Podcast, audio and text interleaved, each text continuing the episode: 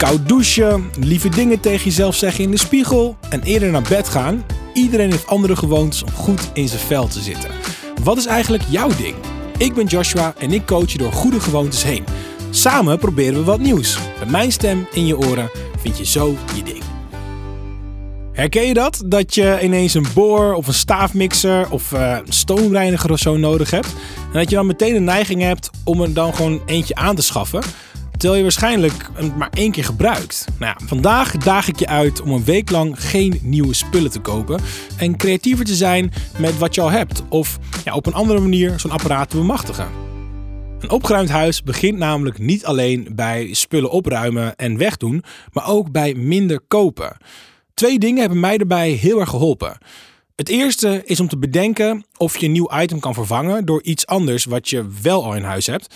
Um, even terug bijvoorbeeld, toen had ik een, uh, een staafmixer nodig en ja, die heb ik zelf niet. Maar wat ik wel heb is een keukenmachine. En het blijkt dus dat je daarin ook gewoon soep kan pureren. Nou, dat scheelt weer een heel apparaat in huis. En het tweede ding is om spullen vaker te lenen. Bel bijvoorbeeld een keertje aan bij je buren en vraag of ze een uh, ja, fietspomp hebben of zo als jij die niet hebt. En ik heb wel eens, recentelijk, van mijn buren een klopboor geleend en een hoge drukspuit.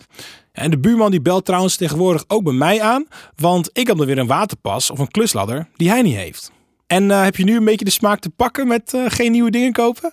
Nou, zet dan gewoon door en kijk hoe lang je dit zonder nieuwe spullen kan volhouden. Ik heb laatst de drie maanden aangetikt. En ik kan wel zeggen dat ik daar best wel trots op ben.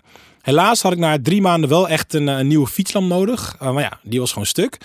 Maar ik heb in ieder geval wel gemerkt dat je met deze gewoonte jezelf traint in je tevredenheid. En dat je je koophonger een beetje kan verminderen. En dat is ook nog eens goed voor de planeet. Nou, verder houd ik meer geld over om te sparen voor dingen die ik, uh, ja, die ik echt belangrijk vind, zoals een reis of een auto bijvoorbeeld. Ben jij nou ook aan het consumeren geslagen? Dan ben ik heel benieuwd naar je ervaring. Dat was hem weer. Een nieuwe gewoonte die meetelt voor je gezondheid. En ben jij sowieso geen big spender? Nou, volgende week weer een kans op een nieuwe gewoonte. Ondertussen al meer inspiratie opdoen? Ga dan naar zk.nl slash fijne omgeving.